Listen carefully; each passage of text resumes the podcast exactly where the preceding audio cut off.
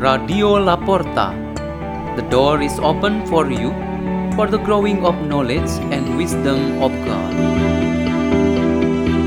Delivered by Gerardine Kirana from Sambiroto Church in Semarang, Central Java, and Father Peter Tukan, SDB from Labuan Bajo, Indonesia.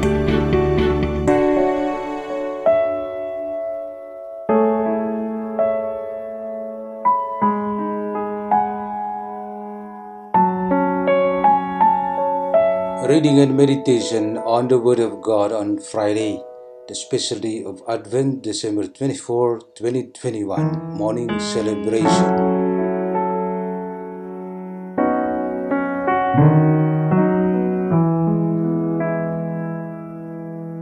The reading is taken from the Holy Gospel according to Luke, chapter 1, verses 67 to 79.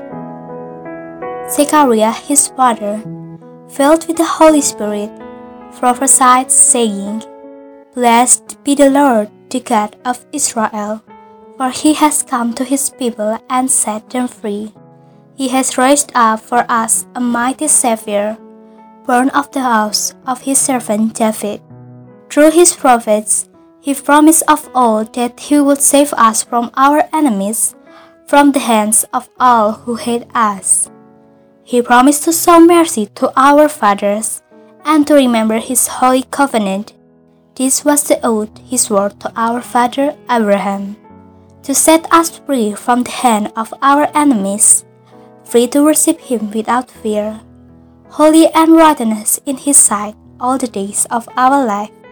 You, my child, shall be called the prophet of the Most High, for you will go before the Lord to prepare his way, to give his people knowledge of salvation by the forgiveness of their sins.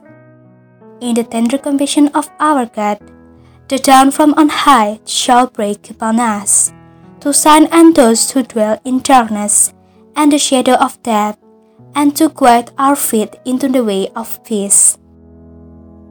The Gospel of the Lord.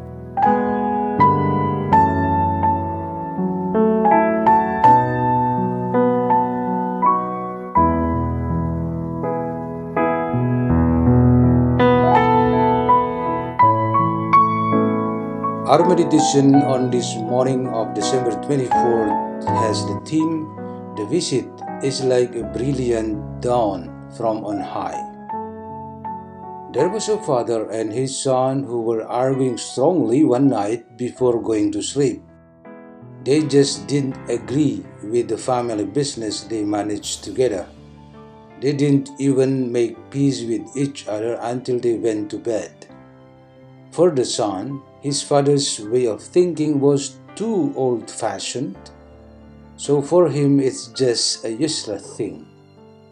For the father, however, whatever slander and harsh words between them were so heartbreaking. He couldn't sleep. His sleeping position on all sides could not make him calm and fall asleep. He got up and sat down. He also stood up and walked for a while in the room. He still couldn't sleep. He just wanted the night to pass quickly when the morning came with a brilliant dawn reaching him. He wanted to see his son's smiling face as he greeted him, apologized, and embraced his son warmly. He wanted to leave behind hatred, anger, and evil to his son. His prayer was as the following that the dark night would quickly pass away, and that morning would come quickly so that he would be at peace with his son. Such experience is our experience too in our situation of life.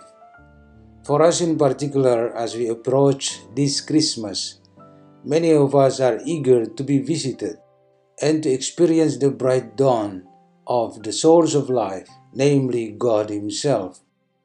Zechariah sang his hymn with the confession that God came to visit His people. God would deliver them from the bonds of their enemies and foes who hated them. God dispelled darkness and brought light to those who desperately hoped for deliverance and salvation.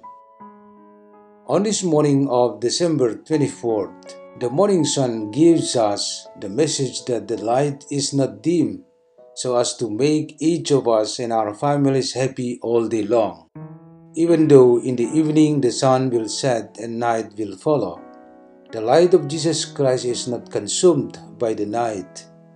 We all experience that He remains a brilliant dawn, and we soon celebrate His birthday tonight. According to Zechariah's song, the dawn is on high, and so it shines upon those who may still dwell in darkness and the shade of death. Inevitably, it must be admitted, there are some fellow members of the church who have not wanted the light to come for a long time, and this time they just want to be visited. All members of the church, both those who are already well in their preparations and those who are still doing their preparations, let us rejoice to welcome the brilliant dawn that comes to visit us. Let's pray. In the name of the Father, and of the Son, and of the Holy Spirit, Amen.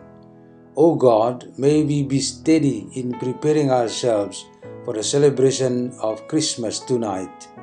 Glory to the Father, and to the Son, and to the Holy Spirit, as it was in the beginning, is now, and ever shall be, world without end. Amen. In the name of the Father, and of the Son, and of the Holy Spirit. Amen. Radio La Porta. The door is open for you.